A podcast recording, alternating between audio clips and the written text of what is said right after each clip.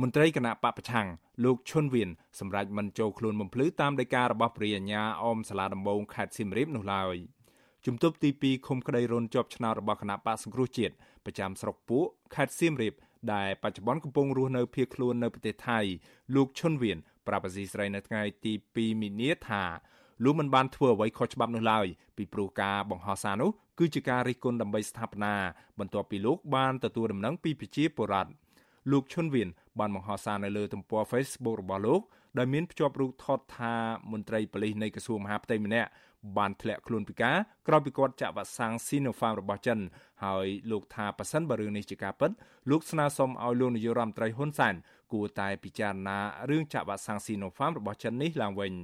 លោកចាត់ទុកវិធានការរបស់តុលាការនេះថាគឺជាការបំផិតបំភ័យលោកដើម្បីគំរាមកំហែងដល់ប្រជាពលរដ្ឋដទៃទៀតកុំឲ្យហ៊ានរិះគន់របបក្រុងភ្នំពេញ។ អានេះវាជាការអស់សំណើចមែនទែនបើគិតថាជាតឡាការអីគ្រាគេមិនយកចិត្តទុកដាក់ទឹកខ្វល់ខ្វាយទៅរឿងការបញ្ចេញមតិរបស់ប្រជាពលរដ្ឋទេគឺគេបើកសិទ្ធិសេរីភាពឲ្យប្រជាពលរដ្ឋនិយាយរិះគន់ដើម្បីស្ថាបនាដើម្បីប្រទេសជាតិរបស់ខ្លួនឯងនឹងមិនមានអីដែលត្រូវខុសទេហើយតឡាការក៏មិនឈឺក្បាលវាមុខទៅពាក់ព័ន្ធទៅនឹងរឿងអញ្ចឹងចឹងដែរព្រោះតែបើសិនជាតឡាការមិនឯករាជ្យវិញយើងនិយាយថាជាតឡាការដែលស្ថិតក្រោមការគ្រប់គ្រងរបស់អ្នកមានអំណាចឬក៏តាមបង្គាប់បញ្ជារបស់អ្នកមានអំណាចគឺច្បាស់ណាស់មិនថាតែរឿងតូចតាចប៉ុណ្្នឹងទេសូម្បីតែរឿងធម្មតាក៏តឡាការអាចចោទប្រកាន់បានដែរ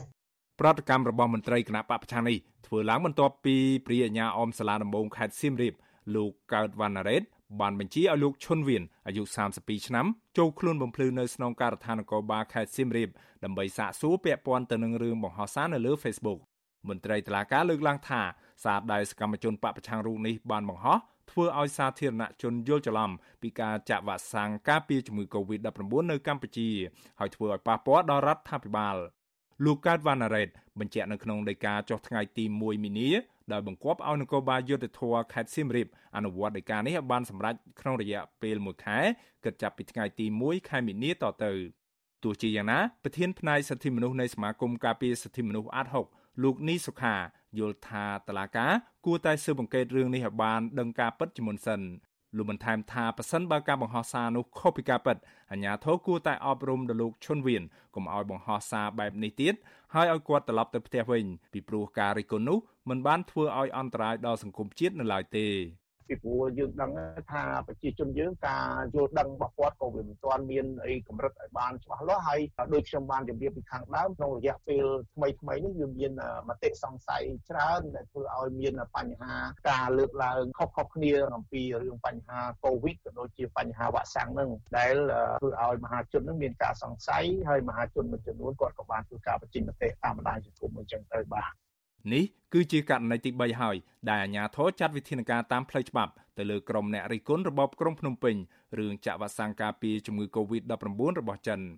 កាលពីថ្ងៃទី28កុម្ភៈ តឡាការរាជធានីភ្នំពេញបានឃុំខ្លួនសកម្មជនគណបកសង្គ្រោះជាតិ2រូបគឺលោកធុនចន្ទថានិងលោកស្រីមៃសុផននៅក្នុងពន្ធនាគារព្រៃសរដោយចោទប្រកាន់ពួកគេពីបទញុះញង់បង្កឲ្យមានភាពវឹកវរធ្ងន់ធ្ងរដល់សន្តិសុខសង្គមពាក់ព័ន្ធទៅនឹងរឿងបង្ហោះសារនៅលើទំព័រ Facebook រិះគន់រដ្ឋាភិបាលអំពីយុទ្ធនាការចាក់វ៉ាក់សាំង Sinopharm របស់ចិន